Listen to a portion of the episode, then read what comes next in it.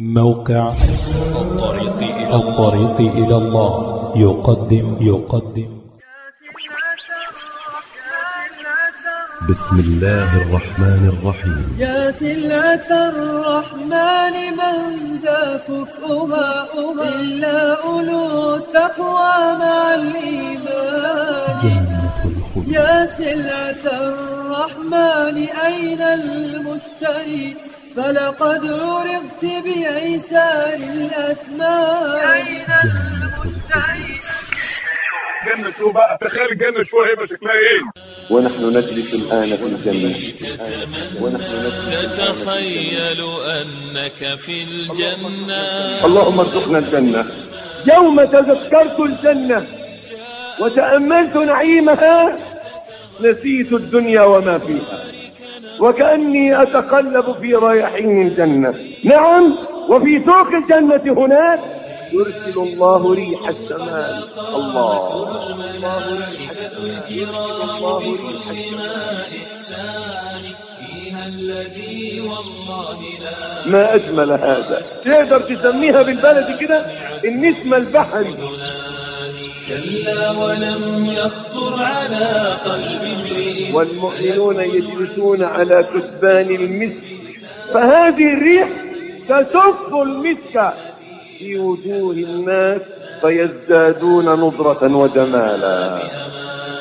يدعى بسوق تعارف ما فيه من صخب ولا غش ولا أيمان. هذا وخاتمة النعيم خلودهم أبدا بدار الخلد والرضوان. يا كأني أشعر الآن بريح الجنة تدخل علينا. يقول ابن القيم تالله لو ساقتك جنات النعيم طلبتها بنفائس الأسمان وسعيت جهدك في وصال نواعم وكواعب بيض الوجوه حسان. والريح مسك والجسوم نواعم واللون كالياقوت والمرجان. حوراء خلقت من أجلك لم تنظر أحدا من قبلك نكسر حدة الحر بأن تتذكر زوجتك من الحور العين. بأن تتذكر زوجتك من الحور العين. الجنة درجة عالية والصعود إلى العلياء لأصحاب الهمم العالية. هل دار في خلدك هذا؟ هل جلست تتمنى؟ تتخيل أنك في الجنة وتنظر حولك في النعيم الذي لا يزول. إنها خير منية وأشرف بغية.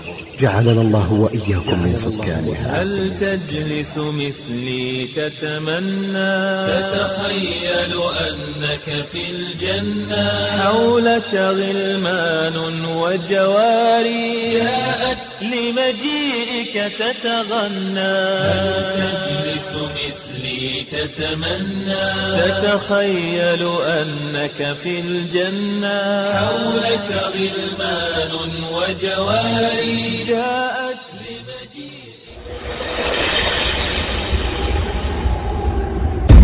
وصف الجنة. وصف الجنة. وصف الجنة. وأزلفت الجنة للمتقين غير بعيد.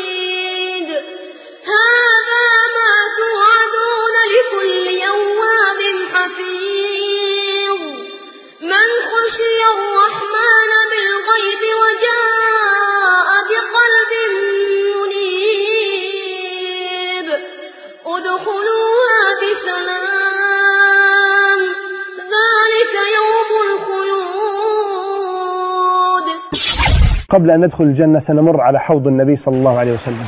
ونرد حوض محمد صلى الله عليه وسلم. كل واحد يتمنى أن يشرب من يد رسول الله صلى الله عليه وعلى آله وسلم. الحوض هو عبارة عن مكان يجتمع فيه الماء. هذا الماء يأتي من نهر الكوثر الذي أعطاه الله جل وعلا لنبيه صلى الله عليه وعلى آله وسلم. شفتم أنهار الدنيا شفتم أجمل البحيرات شفتم أجمل الشلالات التي تنساب منها المياه في أحلى المناظر وفي أبهى الصور. هذا كله لا يعادل أن تنظر نظرة واحدة إلى حوض النبي صلى الله عليه وسلم. قال صلى الله عليه وسلم إن قدر حوضي كما بين أيلة وهي مكان في الأردن إلى صنعاء في اليمن وإن أباريقه يعني الأكواب التي يشرب منها الناس كعدد نجوم السماء لا يقدر قدرها وعددها إلا الله جل وعلا. وإن طوله مسيرة شهر وإن عرضه مسيرة شهر. ماؤه أشد بياضا من اللبن وأحلى من العسل. على حافتيه اللؤلؤ. حوض النبي عليه الصلاة والسلام زين وحلي فهو في أبهى صورة وفي أحسن شكل وفي أعظم هيئة. رائحته أطيب من المسك ولونه أشد بياضا من اللبن وطعمه ألذ وأحلى وأصفى من العسل. من يشرب منه شربة لا يظمأ بعدها أبدا. قال صلى الله عليه وسلم أنا فرطكم على الحوض يعني سأسبقكم إلى الحوض فلا تسودوا وجهي يوم القيامة. النبي عليه الصلاة والسلام امتاز حوضه بأنه له ميزابان. ميزابان من الذهب والفضة يعني قناتين تمدان هذا الحوض من نهر الكوثر. قال الله جل وعلا إنا أعطيناك الكوثر فصل لربك وانحر إن شانئك هو الأبتر. يقول حذيفة أو تظنون أن نهر الكوثر يجري في أخدود؟ لا والذي نفس محمد بيده إنه يسيح على الأرض سيحانا وإن حافتاه قباب اللؤلؤ. فهذا النهر نهر الكوثر يمد حوض رسول الله صلى الله عليه وعلى آله وسلم. بهذا الماء الذي لون بياضه أشد من اللبن وطعمه أحلى من العسل. إني لبعقر حوضي أدود الناس لأهل اليمن أضرب بعصاي حتى يسيل الحوض عليهم أن يرفض عليهم فيعلو الماء فيشربون دون مشقة. ما أجملك يا رسول الله؟ ما أجمل مشاعرك؟ أسقيك بكفي أسقيك عسلا من حوضي يرويك. تلتز فما تظمأ أبدا ويظل الخير يغذيك أتباعي أنتم أحبابي قد قال الله سأرضيك السنة توصلك إليه وإلى كوثره سيدعوك ها هم المؤمنون الآن الآن أمام أبواب الجنة. وعند أبواب الجنة الزحام الرهيب. حبي ريح الجنة حبي وشوقا للقيا ربي ورسول الله وللصحب. يستأذنون خازنها حتى يفتح لهم ولا يفتح لأحد حتى يأتي محمد صلى الله عليه وسلم. الآن نقف أمام أبوابها. قصورها تتلألأ ريحها يملأ الأنوف والصدور.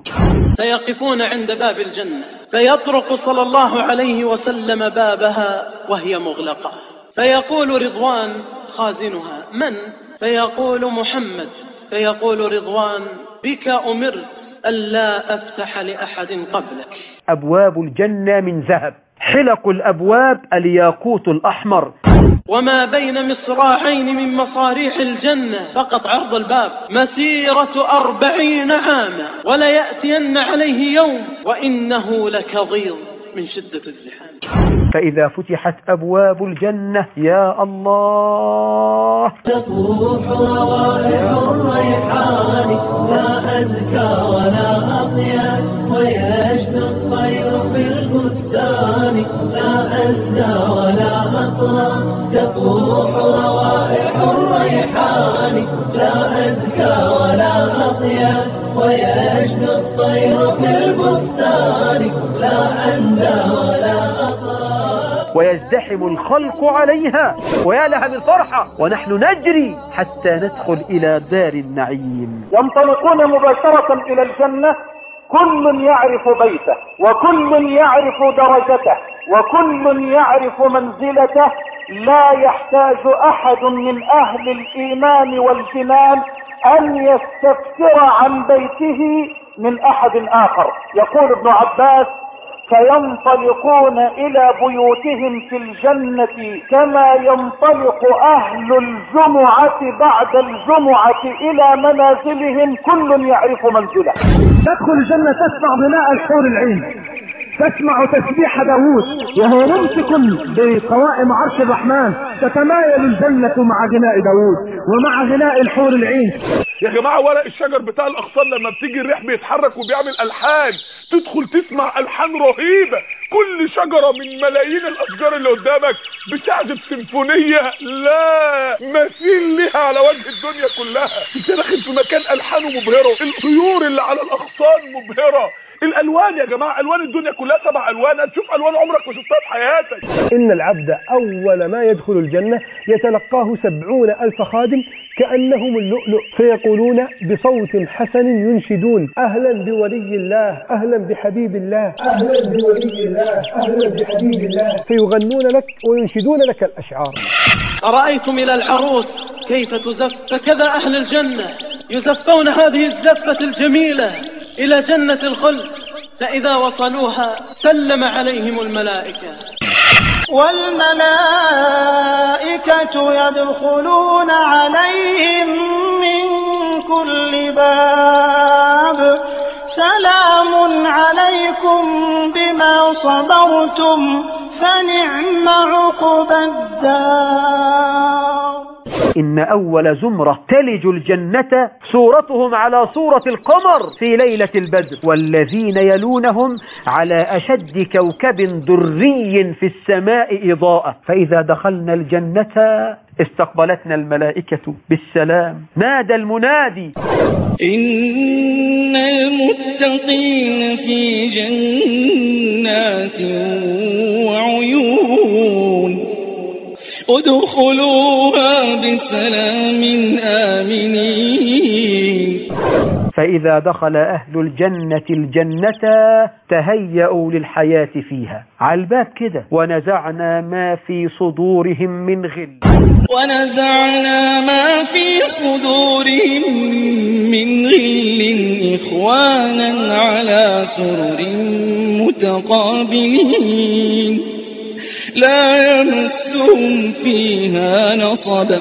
لا يمسهم فيها نصب وما هم منها بمخرجين. قال ابن عباس أول ما يدخل أهل الجنة الجنة تعرض لهم عينان فيشربون من إحدى العينين فيذهب الله تعالى ما في قلوبهم من غل ثم يدخلون العين الأخرى فيغتسلون فيها فتشرق ألوانهم وتصفو وجوههم وتجري عليها نضرة النعيم.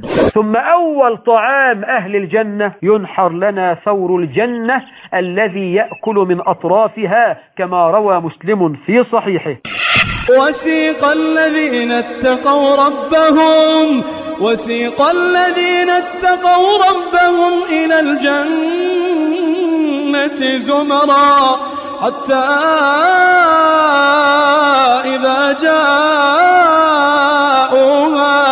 حتى إذا جاءوها وفتحت أبوابها وفتحت أبوابها وقال لهم خزنتها وقال لهم خزنتها سلام عليكم سلام عليكم طبتم فادخلوها خالدين. وصف الجنة أرض السعادة. المكان اللي مش هتقدر تغمض فيه عينيك. أنت متخيل إنك تسكن في قصر معلق في الهواء وزي السحاب بيتحرك ويروح ويجي بيك. إيه النعيم ده؟ يا جماعة فيها ما لا عين رأت ولا أذن سمعت ولا خطر على قلب بشر. وحصباؤها حصباء أرضها الياقوت والجوهر وترابها المسك والزعفران مفروشة بالفروش الناعمة من السندس والأطاليس والاستبرق في غاية الرقة والنعومة تتشقق في أرجائها الأنهار وتجري في وسطها الغدران. قال تعالى والذين آمنوا وعملوا الصالحات لنبوئنهم من الجنة غرفا. لنبوئنهم من الجنة غرفا تجري من تحتها الأنهار خالدين فيها. نعم أجر العاملين الذين صبروا وعلى ربهم يتوكلون. إن الجنة تتزين يوميا منذ خلقها الله فتزداد جمالا وبهاء. لقد تزينت الجنة لأهلها حتى غدت أزين من الزينة وتجملت لخطابها حتى غدت أجمل من الجمال. قال تعالى وأصحاب اليمين ما أصحاب اليمين في سدر مخضود وطلح منضود وظل ممدود وماء مسكوب وفاكهة كثيرة لا مقطوعة ولا ممنوعة وفرش مرفوعة. أنا عايزك تتخيل صواني ورا صواني جاية لوز وجوز وفستق وكريز وكل الفواكه اللي أنت تخيلتها ولا تتخيلها. وأقل إنسان في الجنة له عشرة آلاف خادم يروحون ويجيئون عليه.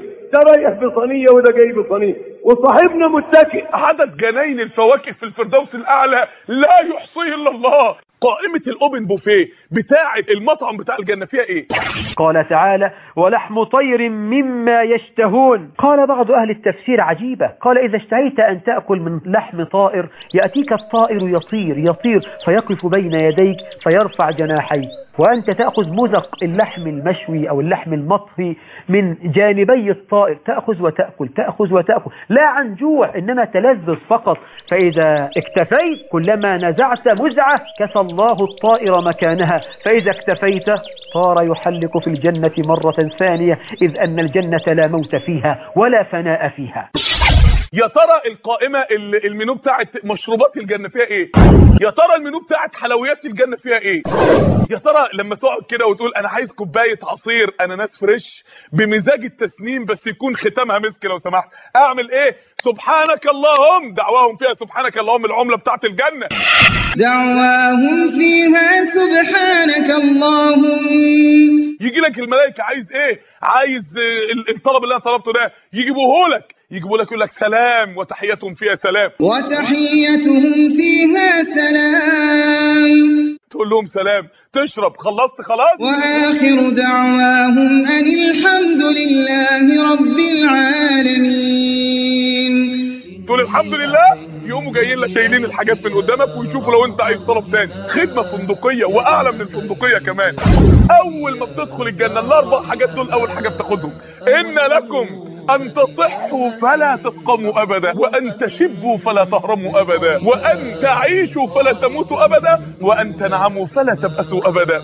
وعن زيد بن أرقم رضي الله عنه قال أتى النبي صلى الله عليه وسلم رجل من اليهود فقال يا أبا القاسم ألست تزعم أن أهل الجنة يأكلون فيها ويشربون؟ وقال اليهودي لأصحابه إن أقر لي بهذه خصمته فقال رسول الله صلى الله عليه وسلم بلى والذي نفسي بيده إن أحدهم ليعطى قوة مئة رجل في المطعم والمشرب والشهوة والجماع فقال له اليهودي فإن الذي يأكل ويشرب تكون له الحاجة. فقال رسول الله صلى الله عليه وسلم حاجة أحدهم عرق يفيض من جلودهم مثل ريح المسك فإذا البطن قد ضمر وجزاهم بما صبروا جنة وإيه؟ حريرة. ده الحرير لبس بنات الملوك. شوف بقى أنت هتتعامل معاملة شكلها إيه. شوف الرفاهية اللي هتعيش فيها. وهو الحرير حلال ألبسه في الجنة. أيوه. والمعازف المحرمة في الدنيا هتبقى حلال في الجنة. والاختلاط لأن إحنا كلنا نبقى إخوان على السر متقابلين طب والخمر؟ والخمر حلال في الجنة. طب والذهب؟ والذهب حلال في الجنة. متكئين فيها على الأرائك. الأرائك دي اللي هي الكنبة اللي عليها شلت اللي عليها زي ناموسيه كده شفافة اللي كانوا بيزفوا فيها العرسان عند العرب. عريس عريس كل يوم عروسة كل يوم متكئين آخر روعة واخر رفاهية. لا يرون فيها شمسا ولا زمهريرا مش أي حاجة تضايقك ابدا. ودانية عليهم ظلالها ما تروحش للظل لغاية عندك خليك هو جاي لك. طب يا ترى أهل الجنة يتكلفوا المعاناة لقطف ثمار الجنة؟ أبدا. سعادتك كنت جالس متربع على الأريكة وعلى رأسك تاج الذهب وفي يديك أساور الفضة وأنت تلبس الحرير إذا اشتهيت فقط. قطفا من عنب. تجد الغصن يدنو يدنو حتى يقترب من يدك. كل يا ولي الله. طب ما كده ممكن شجر الجنة يخلص. أبدا. قال ربنا أكلها دائم وظلها. ثمر الجنة يا أخوانا. الثمرة كالقلال أطرى من الزبد. أحلى من العسل. كلما قطفت واحدة خرج في مكانها مثلاها. وذللت قطوفها تذليلا. التفاحة دي والكريزة دي عجبتك ما تروحش. هي جاية لك لغاية عندك. إيه الرفاهية دي؟ إيه الفخفخة دي؟ ويطاف عليهم بآنية من فضة. يطاف. ما تتحركش من مكانك العصير جاي لغاية عندك. ويسقون فيها كاسا. كان مزاجها زنجبيلا يسقون. يعني هيحط كوباية العصير قدامك ما تمدش إيدك. ليه؟ زوجتك. زوجك هيمد إيده ويسقيها لك في بقك لغاية عندك. ويطوف عليهم ولدان مخلدون. حسبتهم حسبتهم لؤلؤا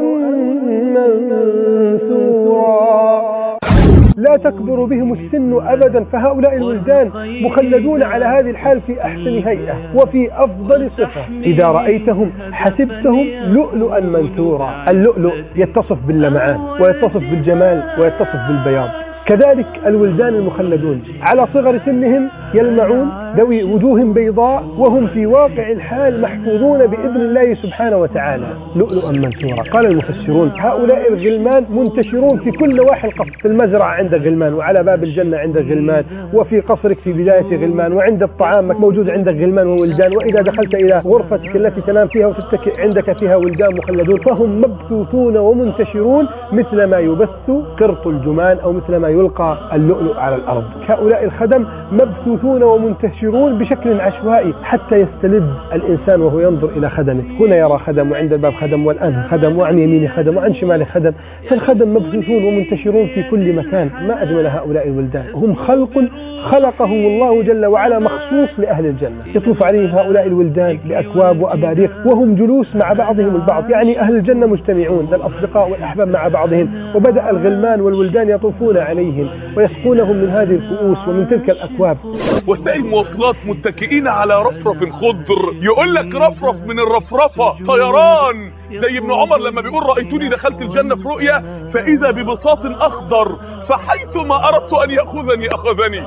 يعني في الجنة في زي بساط الريح كده وفي إحصنة مجنحة. ده في ناس مجنحة يا جماعة. ده جعفر بن أبي طالب له جناحين في الجنة. وفي النجائب النوق اللي بتسرع بيك في السير. نعيم الاجتماعي في الجنة. يعني أنت كده النهارده مثلا سيدنا معاذ بن جبل بعت لك بعت لنا. ليه؟ أصله سمع عن عبادتك في الدنيا وعن اجتهادك في الدعوة في الدنيا فبعت لك نفسه يشوفك. أنت بقى فتحت الدولاب بتاعك ألبس إيه وأنا رايح لسيدنا معاذ؟ بصيت لقيت الموديلات كلها اتغيرت. ليه؟ أصل موديلات الجنة ما بتتصنعش. ده في شجر في الجنة بيطلع الموديلات. ميدن جنه إيه الموديلات الجديدة دي؟ ده دي القطفه الجديدة. قطفناها وجبنا لك الموديلات بتاعتك. تنقي أفخم حاجة وتاخد مراتك وتروح عشان تبقى زياره عائليه وتروح لسيدنا معاذ وانت عند سيدنا معاذ النبي يبعت لمعاذ عايز يشوفه تروح مع معاذ بن جبل رضي الله عنه لرسول الله صلى الله عليه وسلم. وانتوا عند رسول الله ربنا يطلع عليكم ويبعت لكم إمداد. فأكرم بجنات النعيم وأهلها إخوان صدق أيما إخواني جيران رب العالمين وحزبه. أكرم بهم في صفوة الجيران هم يسمعون كلامه ويرونه والمقلتان إليه ناظرتان. وعليهم فيها ملابس سندس وعلى المفارق أحسن التيجان. تيجانهم من لؤلؤ وزبرجد أو فضة من خالص العقيان وخواتم من عسجد وأساور من فضة طعامهم من لحم طير ناعم كالبخت يطعم سائر الألوان وصحافهم ذاب ودر فائق سبعون ألفا فوق ألف خوان إن كنت مشتاقا لها كلفا بها شوق الغريب لرؤية الأوطان. كن محسنا فيما استطعت فربما تجزى عن الإحسان بالإحسان. واعمل لجنات النعيم وطيبها فنعيمها يبقى وليس بفاني أدم الصيام مع القيام تعبدا فكلاهما عملان مقبولان. قم في الدجى واتل الكتاب ولا تنم. إلا كنومة حائر والهان فلربما تأتي المنية بغتة فتساق من فرش إلى الأكفان. قال سبحانه. وجوه يومئذ ناعمة. قال المفسرون أي في نعمة وكرامة. لسعيها راضية. أي أنها رضيت ثواب عملها التي كانت تعمله في الدنيا. في جنة عالية. أي عالية المنازل متفاوتة الدرجات. لا تسمع فيها لاغية. أي لا تسمع فيها كلام لغو ولا باطل. كما قال سبحانه لا يسمعون فيها لغوا ولا تأثيما إلا قيلا سلاما سلاما. ثم بين الله ما في تلك الجنان من النعيم. فقال سبحانه. فيها عين جارية فيها سرر مرفوعة وأكواب موضوعة ونمارق مصفوفة وزرابي مبثوثة. قال ابن عباس رضي الله عنه في قوله تعالى فيها سرر مرفوعة. قال ألواحها من ذهب مكللة بالزبرجد والياقوت. مرتفعة ما لم يجيء أهلها. فإذا جاءوا وأرادوا الجلوس تواضعت لهم حتى يجلسوا عليها. فإذا قاموا عادت وارتفعت إلى مكانها. وقوله وأكواب موضوعة. وهي الأباريق التي لا عري لها. موضوعة عندهم. وقوله ونمارق مصفوفة. هي الوسائد مصفوفة. بعضها إلى جنب بعض. وقوله وزرابي مبثوثة وهي الطنافس أي البسط والفرش كثيرة متفرقة. في جنات ونعيم فاكهين بما آتاهم ربهم أصحابك بدأوا يجوا بقى وقعدتوا تتكلموا وتضحكوا. وفاكر اليوم الفلاني وفاكر لما ربنا حفظنا من المعصية الفلانية. فرحانين ووقاهم ربهم عذاب الجحيم. كلوا واشربوا كلوا واشربوا. إيه هو مين اللي بيتكلم؟ الملائكة جت. يعني القصر بتاعك كمان غير أصحابك. الملائكة جت وملته وقاعدين يقولوا لكم كلوا واشربوا هنيئا بما كنتم تعملون. متكئين على سرر مصفوفة. ملوك! وزوجناهم بحور عين إيه ده ليه مراتك داخلة عليك؟ مراتي كمان ربنا مش هيحرمني منها. آه وملكه زيك ليها أملاك زيك. يعني ملكك بيتضاعف في الجنة معاها والذين آمنوا واتبعتهم ذريتهم بإيمان ألحقنا بهم ذريتهم. تلاقي أولادك جايين. أولادي حبايبي جايين ليه؟ ربنا مش هيحرمك منهم. بس ده كان مقامهم في الجنة أقل من مقامك ربنا رفعهم معاك عشان يسعدك. تلاقي جو اجتماعي رهيب. اولادك ومراتك وحبايبك وعيلتك وإخوانك وأصحابك. إيه ده إيه النعيم اللي أنا فيه ده. وأمددناهم بفاكهة ولحم. الخيمه الواحده في الجنة 60 ميل يعني 100 كيلو متر العرض بتاعها والطول بتاعها. والموقع الموقع بتاع الجنة تجري من تحتها الأنهار. الأنهار ده مدور أربع جهات. ليه؟ عشان يبقى كل الجهات بحري. والذي بعث محمدا بالحق. لو قيل لك سنعطيك دارا بجانب النهر قلت فرحا فكيف انت بقصر تجري من تحتها الانهار أليس ذلك من أعظم البشارات وأعظم الاحتياط؟ كل الجهات بحرية. تصور معي. قصر من ذهب فوق نهر بيت من لؤلؤة فوق نهر. منظر عجيب. والأنهار نهر من ماء ونهر من لبن ونهر من خمر ونهر من عسل بجوارك نهر من خمر لا فيها غول أو سكر. بجوارك نهر من خمر لا فيها غول أو سكر. أو نهر من عسل يجري. أو من لبن لم يتسنى. هل تجلس مثلي تتمنى؟ هل تجلس مثلي تتمنى. مثل الجنة التي وعد المتقون.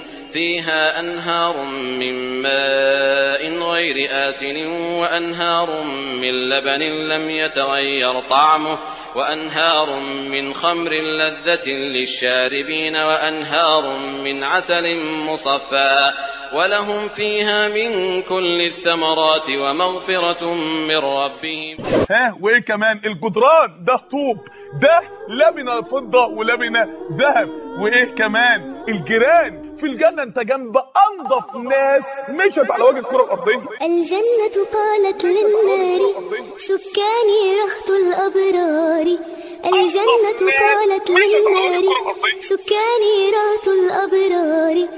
صلوا للرحمن وصاموا وعلى فعل الخير أقاموا. قد كرهوا الغيبة والكذب وأحبوا العفة والأداب قد كرهوا الغيبة والكذب وأحبوا العفة والآداب سعر المتر. لموضع صوت أحدكم في الجنة خير من الدنيا وما فيها متر في متر أغلى من سعر الكرة الأرضية كله. تخيل البهجة والفرح بتاعة القصر شكلها إيه. بيوت الجنة. ده النبي عليه الصلاة بيحكي في رؤيا دخل فيها الجنة عن إنه صعد في شجرة فوجد بيتا وفيه ناس. يعني عارفين البيوت اللي كنا بنشوفها مبنية على أشجار؟ في في الجنة زيها. وقصور معلقة. في الجنة في ثلاث أنواع من المباني. في غرف وفي قصور وفي خيام. الغرف عاملة زي الأجنحة الفندقية الملكية بتاعت الناس اللي فوق قوي في ضيافه الرحمن في الفردوس الأعلى. ذلك لأن الجنة درجات وأعلاها الفردوس الأعلى وهو سقف الجنة ومن فوقه عرش الرحمن. الفردوس أربع جنان متقسم أربع حزب سنتان من ذهب حليها وآنيتها وكل ما فيها من ذهب وسنتان من فضة هكذا حليها وآنيتها وما فيها. هي جنة طابت وطاب نعيمها فنعيمها باق وليس بفاني وبناؤها اللبنات من ذهب وأخرى فضة نوعان مختلفان. والخامة بتاعتها يعني حاجة ما تتوصفش حاجة كده يرى ظاهرة من باطنها يعني إيه؟ ما أعرفش. قال رسول الله صلى الله عليه وسلم. إن في الجنة لغرفا يرى ظاهرها من بطونها وبطونها من ظهورها. فقام إعرابي فقال يا رسول الله لمن هذه الغرف؟ قال لمن طيب الكلام وأطعم الطعام وأدام الصيام وصلى بالليل والناس نيام. اللي يرى ظاهرة من باطنها وباطنها من ظاهرة ما أعرفش القصور ده دي أملاكك بقى في الجنة وديت جدرانها من ذهب. النبي لما شاف قصر عمر في رؤيا بهر فقلت قصر من هذا؟ وتمنى أنه لا. فقالوا قصر عمر. القصور دي حاجة رهيبة والمادة بتاعتها ذهب وفضة. لبنة من ذهب ولبنة من فضة وميلاطها المسك الأزفر طب والخيام؟ الخيام دي عاملة زي الشاليهات الفاخره بتاعت الدنيا. الخيمة تلاقيها مثلا على بحر على نهر على والخيمة مدتها لؤلؤه واحدة بس اتحفر جواها كل الممرات والشبابيك والشرف والأوض والصالات والهولات بتاعت الخيمة ديت كلها من لؤلؤة واحدة مجوفة. سكانها أهل القيام مع الصيام وطيب الكلمات والإحسان. للعبد فيها خيمة من لؤلؤ قد جوفت هي صنعة الرحمن. ذواتا أفنان. يعني إيه أفنان؟ قال لك يعني أغصان. يعني إيه ذوات أغصان؟ يعني شيء مبهر كل حاجة في الأغصان بتاعتها مبهرة. أوراق الأغصان مبهرة. أزهار الأغصان مذهلة. ثمار الأغصان عجيبة. ده في بعض الناس قالت أفنان مش جمع فنن يعني غصن ده جمع فن يعني ذوات فنون يعني كل شجرة بتعزف ألحان غير الثانية كل شجرة أوراقها في جمالها غير الثانية كل شجرة ثمارها غير الثانية روايحها الرهيبة اللي طالعة منها غير الثانية أنواع الثمار أشكال الورق أشكال الأزهار الألوان المذهلة المبهرة غير الثانية قال بعض أهل التفسير ذواتا أفنان يعني غصن الشجرة الواحد في أكثر من نوع من أنواع الفاكهة. تجد في موز ومانجا وكمثرى وكيت في الغصن الواحد. ده أول مشهد هيشدك. منظر غصون الأشجار ومنظر تشكيل الألوان وأصوات الألحان وأصوات الأطيار والروائح الرهيبة اللي طالعة منها والجمال وتشاكيل الورق شيء مبهر ذوات أفنان. فبأي آلاء ربكما تكذبان؟ آه لو عرفتم. النعم والآلاء اللي مستنياكم في الجنة شكلها إيه؟ كنت وصلتوا الليل بالنهار. فيهما عينان تجريان ده تاني منظر مبهر. إزاي؟ العيون يا جماعة بتاعت الجنة بتتفجر من الأرض. وبعد كده بتتدفق. يعني العين اللي بتجري ديت زي النهر كده قد النهر بتاع الدنيا. آه نهر إيه؟ ده نهر الدنيا كلها ما تجيش عين من عيون الجنة. في الحجم والجمال والتدفق. طيب أنا عايزك تتخيل بقى أول مرة إن في نهر كبير ماشي وبعد فترة هناك نهر تاني كبير ماشي. بقى عندنا أربع ضفافات. يعني منظر عمرنا ما شفناه في الدنيا أصلا. فيهما عينان تجريان تجريان على فين؟ تجريان عليك. في المكان اللي انت فيه وتجريان بيتفرعوا لكل الأشجار يغذوها العيون دي منها عيون عسل. آه تخيل شجرة بتتروى عسل. هيبقى ثمارها شكلها إيه فيهما عينان فورتان وبيجروا في كل مكان ومن حب المية ليك بتجري لغاية المكان اللي انت فيه. فبأي آلاء ربكما تكذبان؟ فيهما من كل فاكهة زوجان من كل فاكهة. آه ليه؟ لأن أهل الفردوس الأعلى دول ادوا ربنا كل شيء. فادهم كل شيء. فبأي آلاء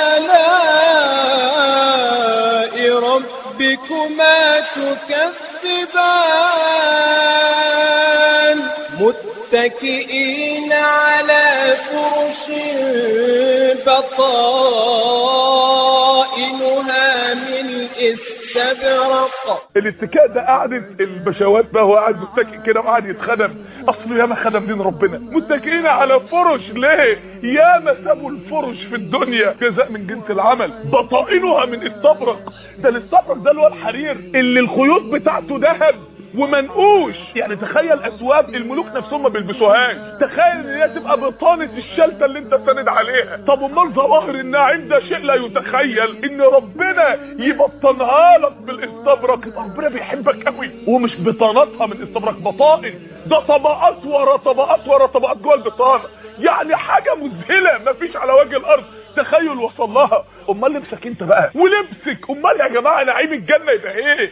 بطائنها من استبرق بطائنها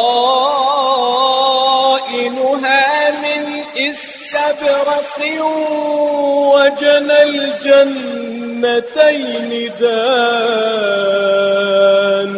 إيه هو الجنة جنى الجنتين اللي هو ثمار الجنتين دانية. طب أنا دلوقتي لو عايز أقطف من الشجرة دي هبعد عن الشجرة دي. ولو عايز أقطف من الجنة دي أنا بعدت عن الجنة دي. الفروع مسخرة ليه؟ الشجر ممكن يجي لغاية عندك أنت. كل حاجة بتخدمك. انت عايش حياتك تسعى للجنة.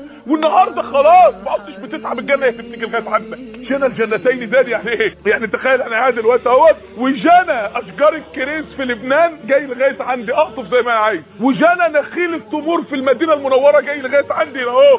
وجنى أشجار الكاجو في الهند جاي لغاية عندي اهو. تخيل المنظر ده. اقطف اللي انت عايز تقطفه ليه؟ لأنك انت ياما منعت نفسك عن حاجات كان نفسك فيها عشان ترضيه. النهارده هيرضيك في كل حاجة. النهارده مش هيمنع عنك أي حاجة. كل كلمة من كلمات نعيم الفردوس الأعلى. وراه يا جماعة تعب عشان كده الكلمة اللي أنا عايزكم تعيشوا معاها جنى الجنتين ليه ربنا ما قالش ثمار؟ في الدنيا بنقول إن كل واحد هيجني اللي زرعه.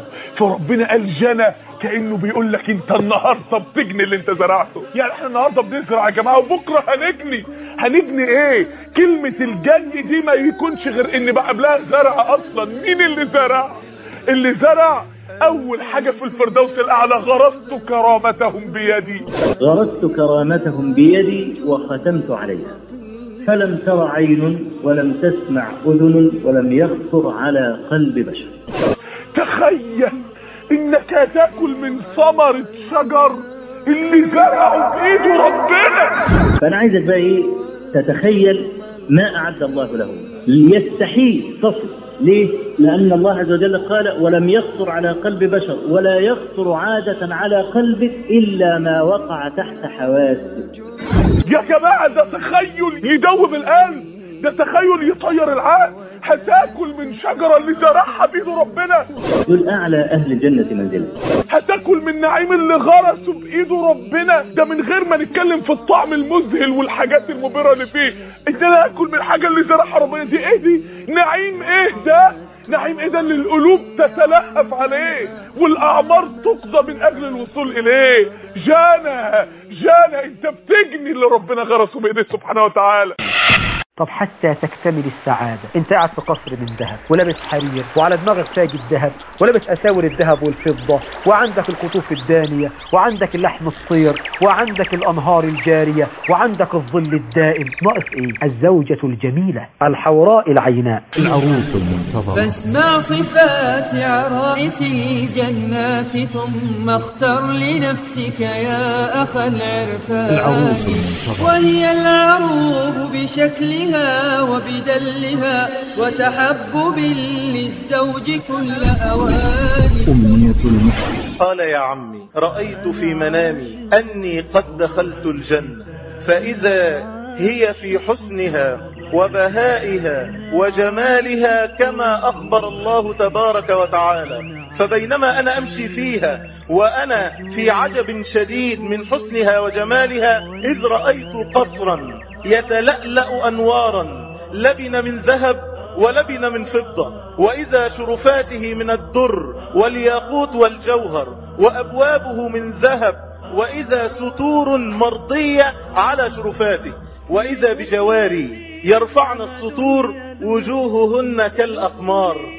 فلما رأيت حسنهن أخذت أنظر إليهن وأتعجب من حسنهن وجمالهن فإذا بجارية كأحسن ما أنت رائي من الجواري تحدث صاحبتها التي عن يمينها وتشير إليها وتقول هذا زوج المرضية فسألتها فقلت لها هل أنت المرضية؟ قالت أنا خادمة من خدم المرضية تريد المرضية؟ ادخل إلى القصر. قال فتقدمت. فإذا في أعلى القصر غرفة من الذهب الأحمر عليها سرير من الزبرجد الأخضر قوائمه من الفضة البيضاء عليه جارية وجهها كأنه الشمس. لولا أن الله ثبت علي بصري لذهب. ولذهب والله عقلي من حسنها وجمالها ومن بهاء السرير وجمال الغرفة. قال فلما رأتني الجارية بدأتني بالكلام. وقالت مرحبا بولي الله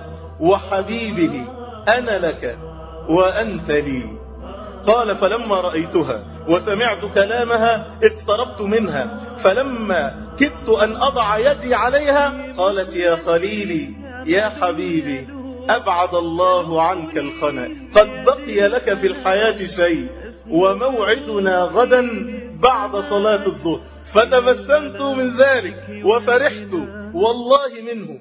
قال أبو قدامة فلما سمعت هذه الرؤيا من هذا الغلام قلت له رأيت خيرا إن شاء الله. فلما كانت الغزوة كل واحد تلاها فيما هو فيه. فلما انقضت الغزوة بحثت عن الغلام. فإذا الجسد جسد الغلام. وإذا الرماح قد تسابقت عليه والخيل قد وطئت عليه فمزقت لحمة وأدمت لسانه ومزقت أعضاءه. فقلت ها أنا أبو قدامة. ثم قام بصوت ضعيف فقال إن الموعد الجنة إن شاء الله. قال ثم تحامل الغلام على نفسه. وضاقت عليه نفسه وضعف صوته. ثم قال يا عمي صدقت الرؤيا والله صدقت الرؤيا ورب الكعبة والله إني لأرى المرضية الآن هي عند رأسي وأشم ريحها. ثم انتفض صدره وتصبب عرقا ثم شهق شهقا.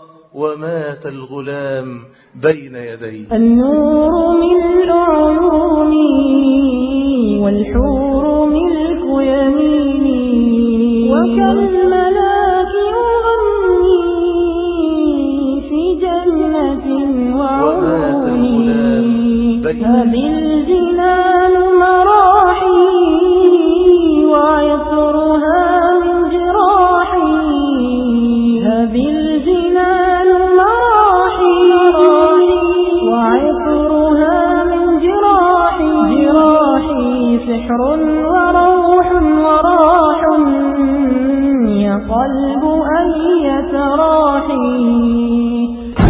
وقال عطاء السلمي لمالك بن دينار يا أبا يحيى شوقنا شوقنا الجنة. قال يا عطاء إن في الجنة حوراء يتباهى أهل الجنة بحسنه لولا أن الله تعالى كتب على أهل الجنة ألا يموتوا لماتوا من حسنه سعيد بن زيد رضي الله عنه من العشر المبشرين في الجنة في معركة القادسية بعد كذا يوم تعب وجهاد نام.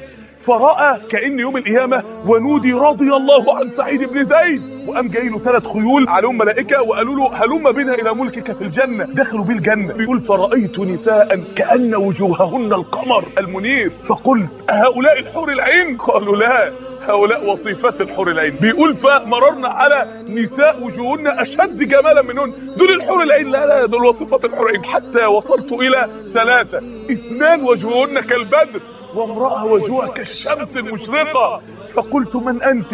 قالت أنا زوجتك في الجنة. فمددت يدي مد إيده. يسلم عليها يمسك إيديها. قالت له لا لا يا سعيد. حتى يأذن الله حتى يقضى أجلك. استشهد في معركة القادسية. الحور العين يا إخوانا.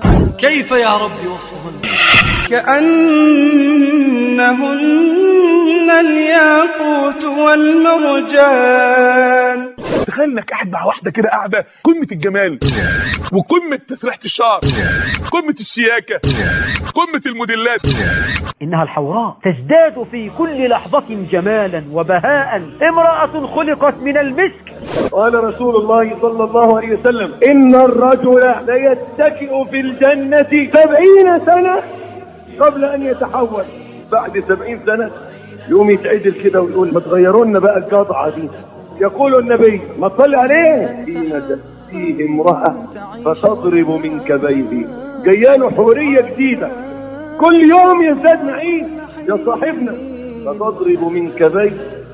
فينظر وجهه في خدها أصفى من المرآة. وإن أدنى لؤلؤة عليها تضيء ما بين المشرق والمغرب أقل لؤلؤة من اللؤلؤ اللي هي لابساه على فستانها ولا على تاجها ولا في شعرها تضيء ما بين المشرق والمغرب فتسلم عليه فيرد السلام ويسألها من أنت؟ فتقول أنا المزيد. لهم ما يشاءون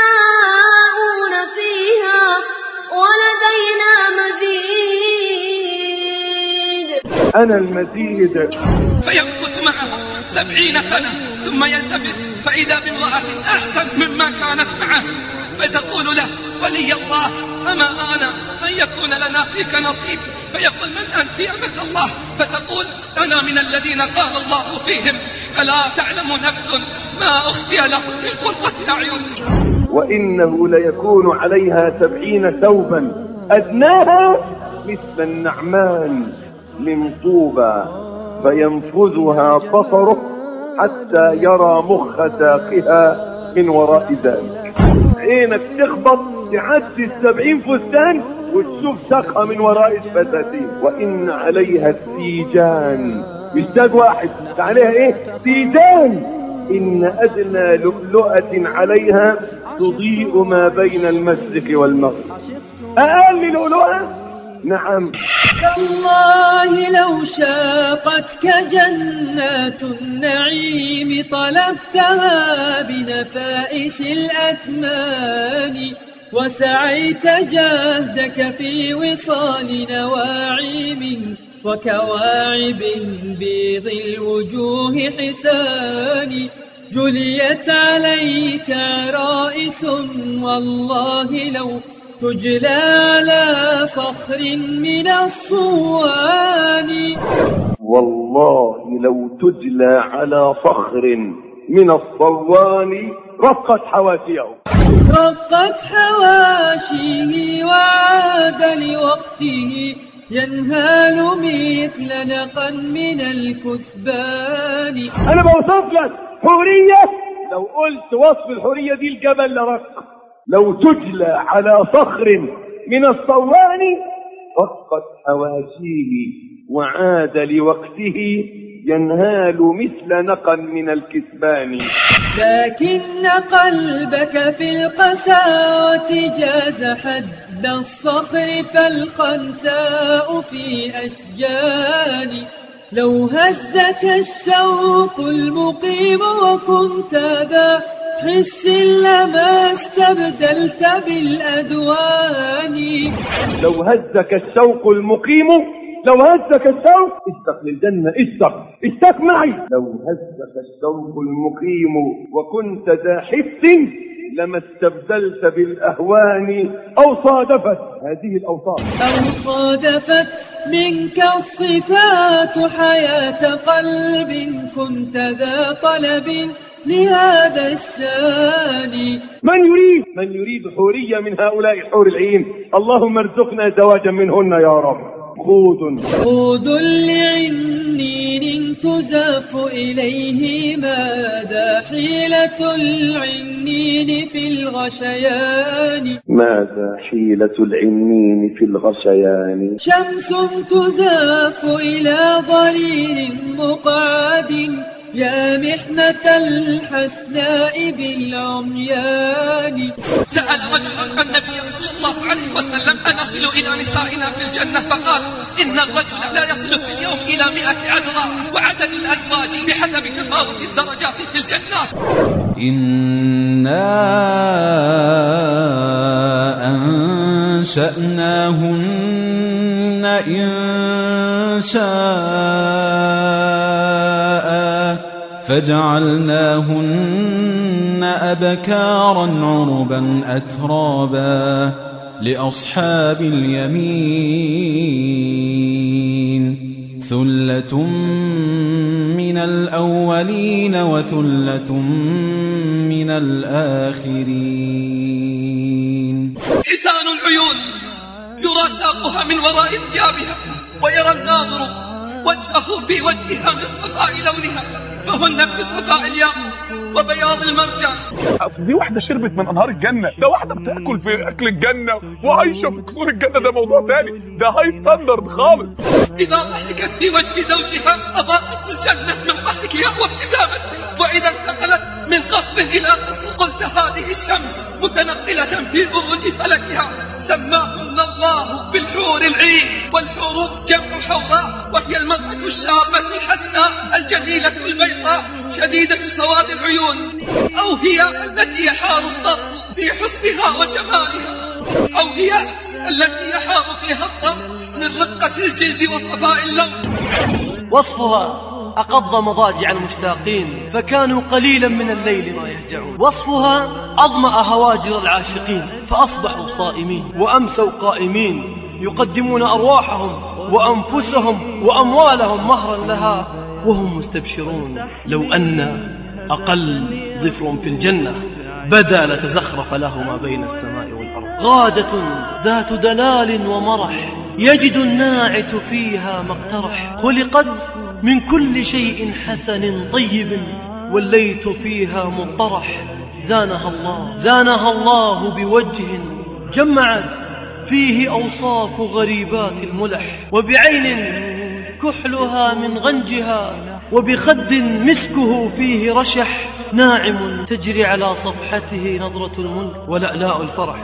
شاب بيقول لي كان مفتون بالنساء فشاف رؤية حورية من حوريات الجنة فشاف جمال باهر بيقول من يومها ما بفكرش في نساء الدنيا أصلا.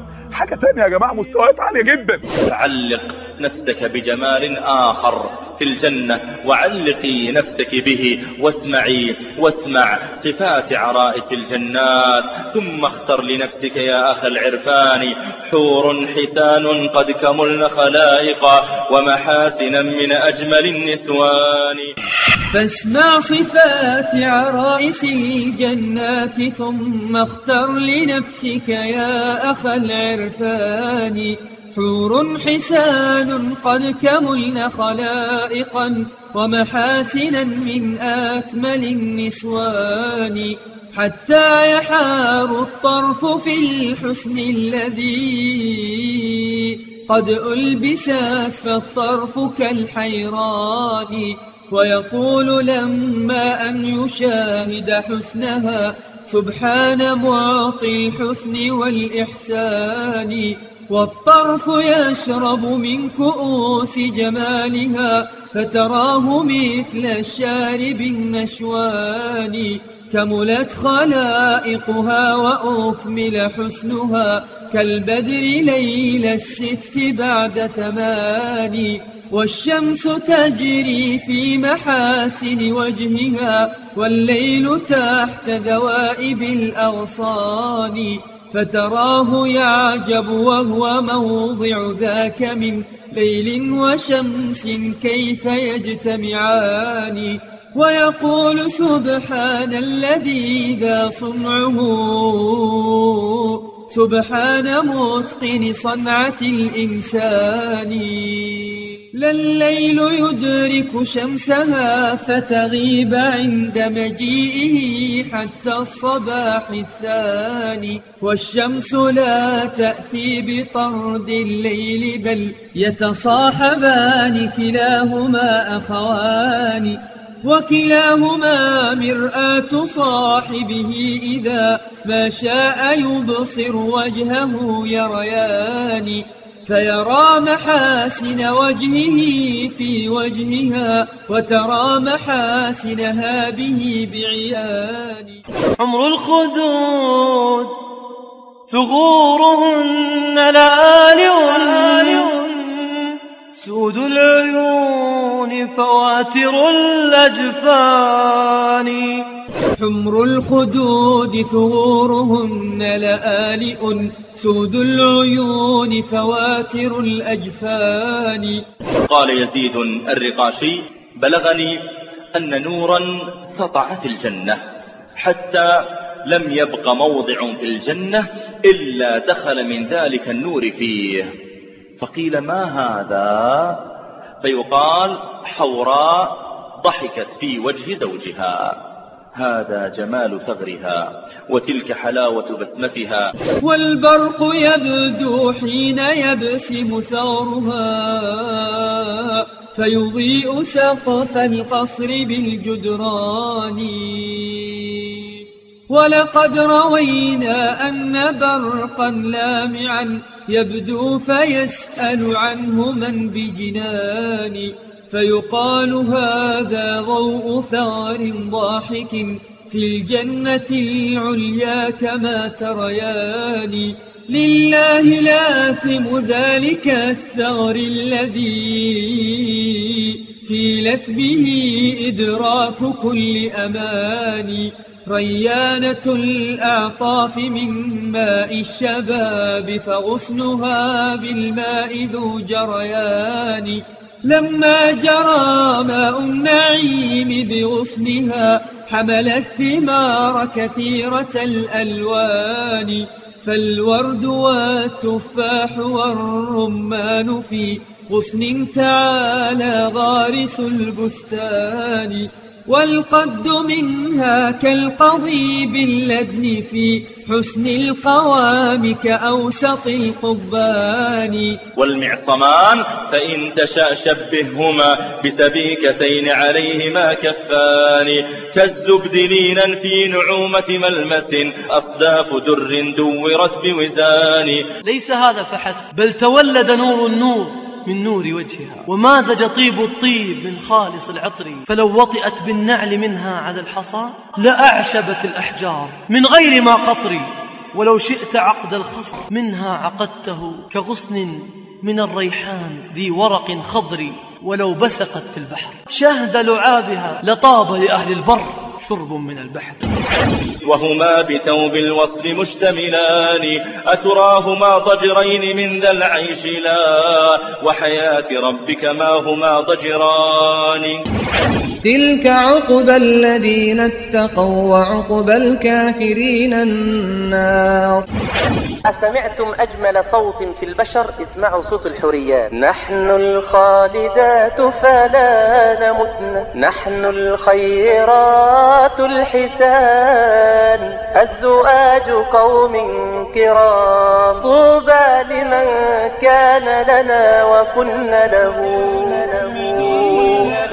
اثبتوا تنادي المتقين أن اصمدوا. الجنة تنادي الجنة تنادي. تنادي المؤمنين تنادي المتقين. تقول عائشة رضي الله عنها وأرضاها إن الحور العين إذا قلنا هذه المقالة أجبنهن المؤمنات من نساء الدنيا. نحن الصائمات وما صمتن. نحن المصليات وما صليتن. نحن المتصدقات وما تصدقتن. قالت عائشة فغلبنهن. أي نساء الدنيا المؤمنات غلبنا الحور العين فأنت أكرم عند الله من الحور العين. وأنت أجمل منهن ولولا حياء المرأة.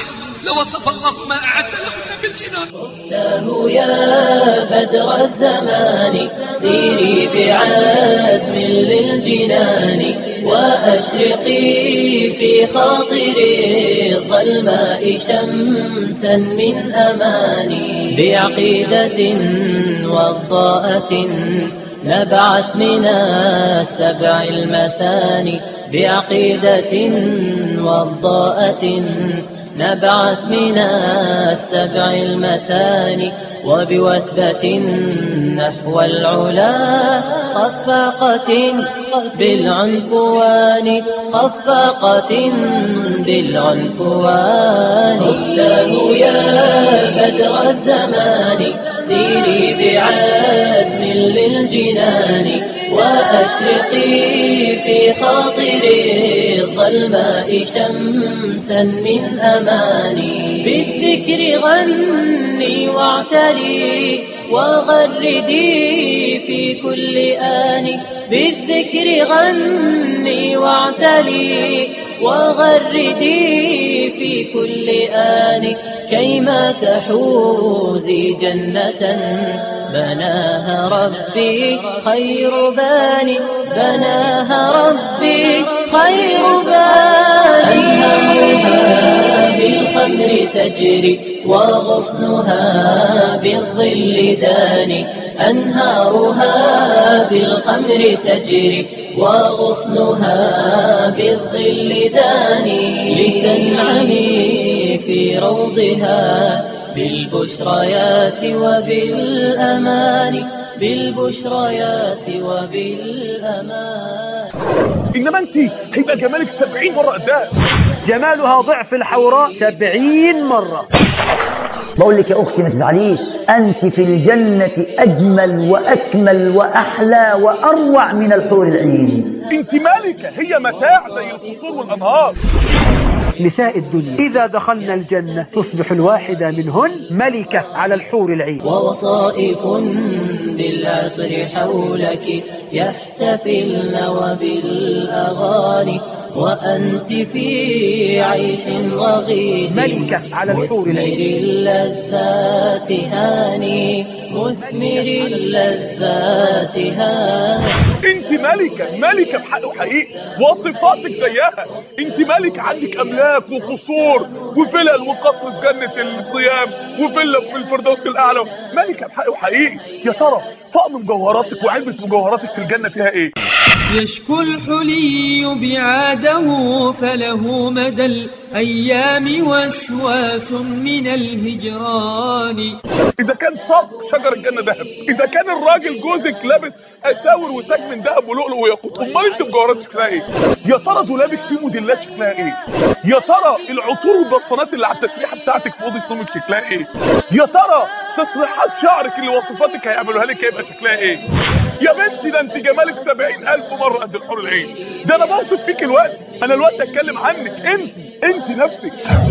صلوات ربي وسلامه عليه يقول لا يا أم سلمة. بل نساء الدنيا خير. فيفاجئها فضل إحداكن على إحداهن كفضل الظهار على البطانة. قال يا أم سلمة وهل تعلمين بما فضلتن عليهن بصلاتكن وقنوتكن وتقاكن لله عز وجل؟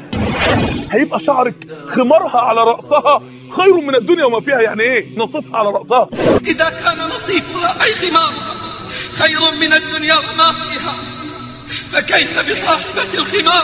يعني وانت لابسة الخمار أجمل من ملكات جمال العالم والتاريخ. أمال لو قلعتيه بقى أمال قصات الشعر ومشاط الذهب والوصفات بتوعك هيبقى شكلهم إيه؟ يا ترى هيبقى جمالك درجته إيه؟ تخيلي أملاكك في الجنة هيبقى شكلها إيه؟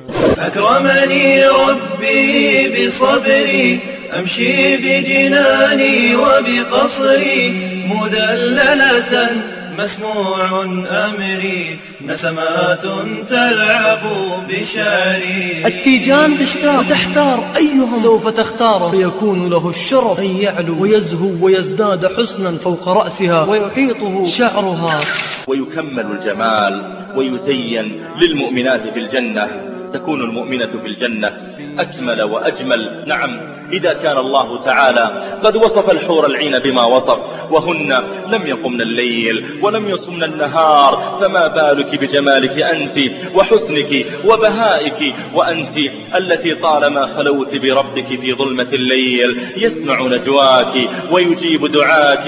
طالما تركت لأجله اللذات وفارقت الشهوات قال الله وعد الله المؤمنين والمؤمنات جنات تجري من تحتها الأنهار خالدين فيها ومساكن طيبة في جنات عدن ورضوان من الله أكبر ذلك هو الفوز العظيم. طب انت جوزك بقى؟ في طول آدم عليه السلام ستون ذراعا في السماء. حاجة كده طول بعرض بصحة. المسلم يدخل الجنة على صورة أبينا آدم عليه السلام طوله ستون ذراعا في السماء عشان يستمتع يبقى حجمه كبير فيستمتع بكل نعيم الجنة. الأساور بتاعت معصمه لو نزلت إلى الأرض لاطفأت نور الشمس كما تطفئ الشمس النجوم. تخيلي قلبه بيحبك قد إيه؟ كل ما يروح عليكي بعد سوق الجمعة في الجنة سوق الجمعة في الجنة فيقول لقد استنتم بعدنا حسنا وجمال. تخيلي كل ما جوزك يدخل يقول لك إيه الجمال ده؟ إيه الروعة دي؟ إيه العيون الساحرة دي؟ وهي قاصرات الطرف بقى. يعني من كتر الحب مش قادرة تشيل عينها من عليه. تخيلي جوزك وكلام الحب وجماله أجمل من سيدنا يوسف اللي النسوه قطعوا ايديهم لما شافوه. وفي قوة موسى وشباب وصحته وعينيه كحلاه بدون كحل واهتمامه بيك. تخيلي انت زوجك في الجنة شكله إيه؟ قال تعالى والله يدعو إلى دار السلام ويهدي من يشاء إلى صراط مستقيم. للذين أحسنوا الحسنى وزيادة ولا يرهق وجوههم قتر ولا ذلة. أولئك أصحاب الجنة هم فيها خالدون. فالحسنى هي الجنة والزيادة هي النظر إلى وجهه الكريم. أتدرون أيها الأحبة ما أفضل وأحلى وأغلى وأجمل وأكمل وأروع ما في الجنة هو التمتع. بالنظر إلى وجه ربك. وأرى إله العالمين كما يرى بدر التمام على المشارف بادية. والله إن البشر ليقع على وجهك وأنت ترى والديك فكيف إذا رأيت ربك ورب والديك؟ يوم يلقونه سلام تحيتهم يوم يلقونه سلام وأعد لهم أجرا كريما. بعد أن يدخل المسلم قصره ينادي المنادي يا أهل الجنة إن ربكم تبارك وتعالى يستزيركم فحي على زيارته أي اخرجوا لأن الله يريد أن يزوركم. فيقولون سمعا وطاعة. ويخرجون وقد أعدت الركائب والنجب. فيستوون على ظهورها وتنطلق بهم. فيذهبون إلى مكان قد أعده الملك الرحمن. ثم تعرض لهم سحابة فتمطرهم بطيب لم يجدوا مثله قط. قبل ويصلون إلى واد أفيح واسع جدا. فيجلس بعضهم على منابر من نور وبعضهم على كراسي من نور. ويجلس أدناهم وما فيهم دني على أرض كثبانها اللؤلؤ واليواقيت والزبرجد والمرجان.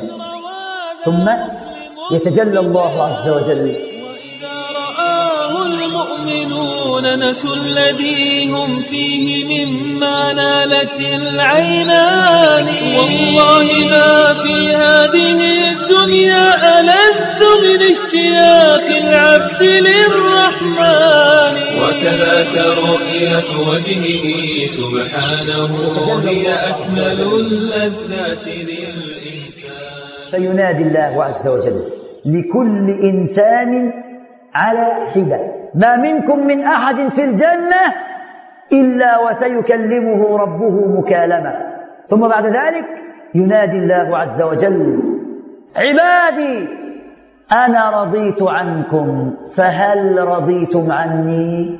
أين عبادي الذين أطاعوني بالغيب ولم يرون؟ أين الذين صدقوا برسالاتي واتبعوا أمري؟ إني قد رضيت عنكم فهل رضيتم عني؟ تم عني.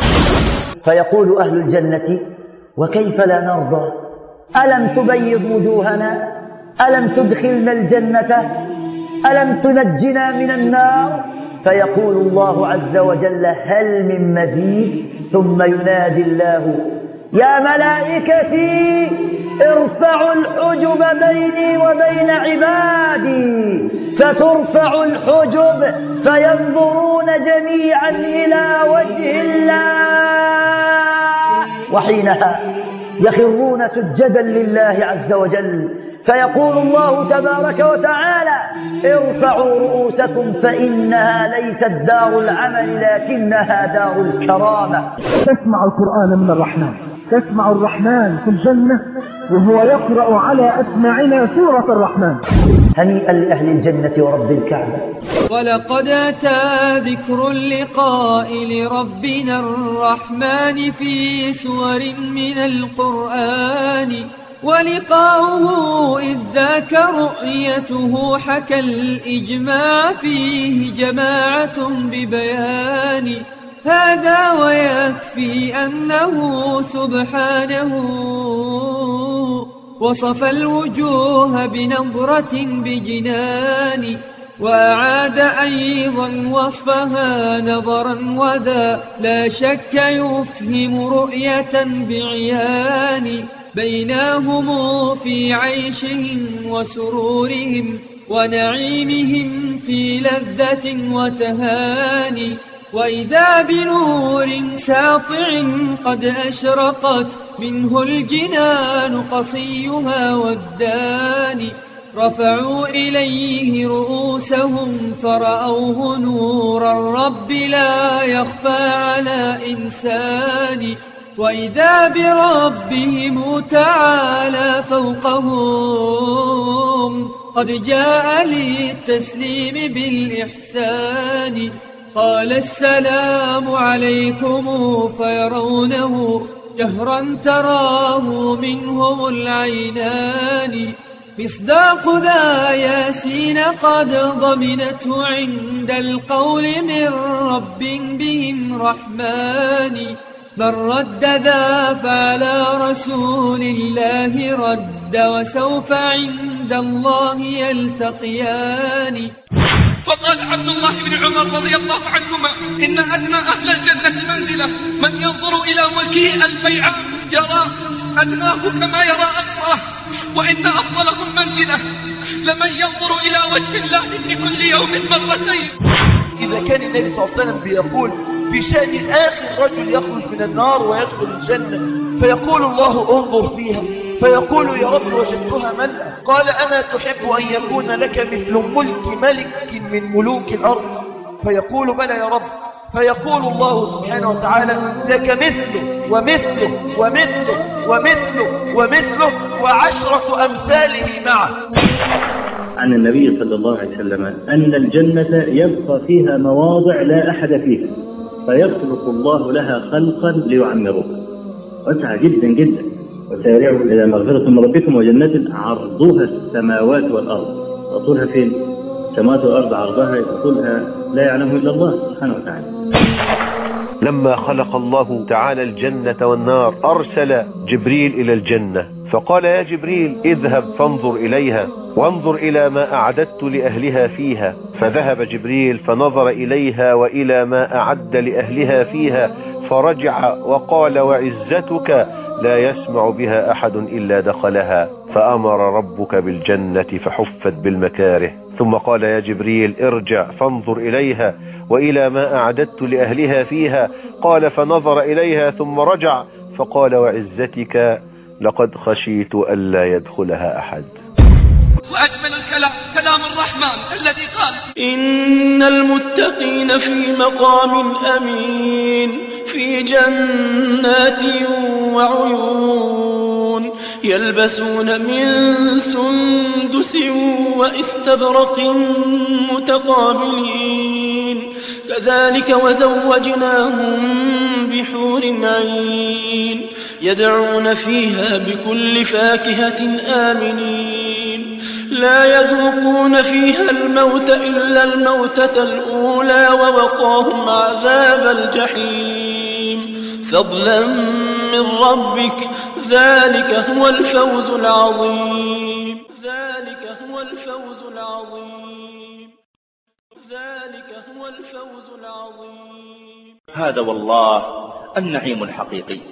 أما نعيم الدنيا ومتعتها فمهما طالت فهي منقطعة. تفنى اللذاذة ممن نال صفوتها ويبقى الذل والعار تبقى عواقب سوء في مغبتها.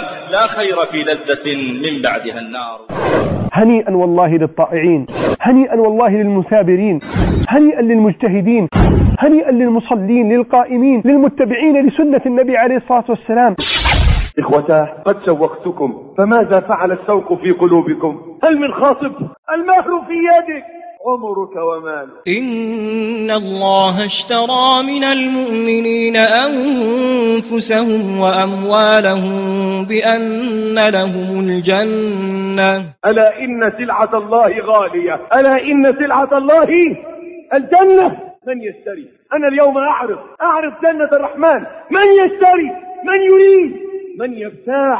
يا سلعة الرحمن لست رخيصة. يا سلعة الرحمن لست رخيصة بل أنت غالية على الكسلان. يا سلعة الرحمن ليس ينالها في الألف إلا واحد الاثنان نسبة النجاح يوم القيامة واحد في الألف. المطلوب أن تكون أنت هذا الواحد. مطلوب أن تكون أنت أختي في الله. أنت هذه الواحدة. هذا الواحد ليس مثل الناس متميز بعقيدته متميز بسلوكه متميز بحبه لله. يا سلعة الرحمن من ذا كفؤها إلا أولو التقوى مع الإيمان. يا سلعة الرحمن سوقك كاسد بين الأراضي لسفلات الحيوان. يا سلعة الرحمن أين المشتري؟ فلقد عرضت بأيسار الأثمان. أين المشتري؟ يا سلعة الرحمن أين المشتري؟ فلقد عرضت بأيسر الأثمان. يا سلعة الرحمن هل من خاطب؟ فالمهر قبل الموت ذو إمكان. هل من خاطب يريد حور الجنة؟ ما حد يسأل أنا. هل من خاطب؟ هيا! فالمهر قبل الموت ذو إمكان. يا سلعة الرحمن كيف تصبر الخطاب عنك؟ يا سلعة الرحمن كيف تصبر الخطاب عنك وهم ذو إيمان.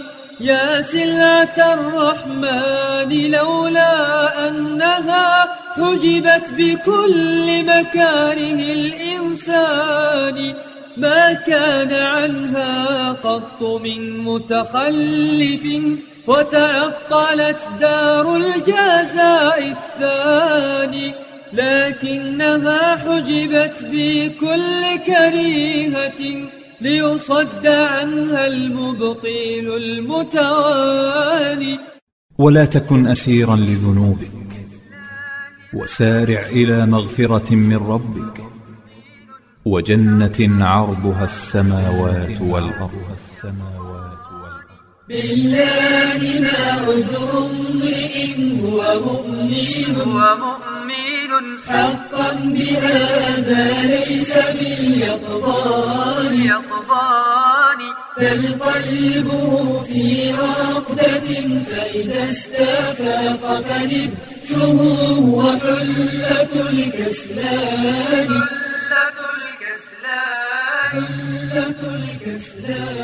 وتنالها الهمم التي تسمو إلى رتب العلا بمشيئة الرحمن. فاتعب ليوم معادك الأدنى تجد راحاته يوم المعاد الثاني. وإذا أبت تنقاد نفسك فاتهمها ثم راجع مطلع الإيمان. واسأله إيمانا يباشر قلبك المحجوب عنه لتنظر العينان. واسأله نورا هاديا يهديك في طرق المسير إليه كل أوان. والسلام عليكم ورحمة الله وبركاته.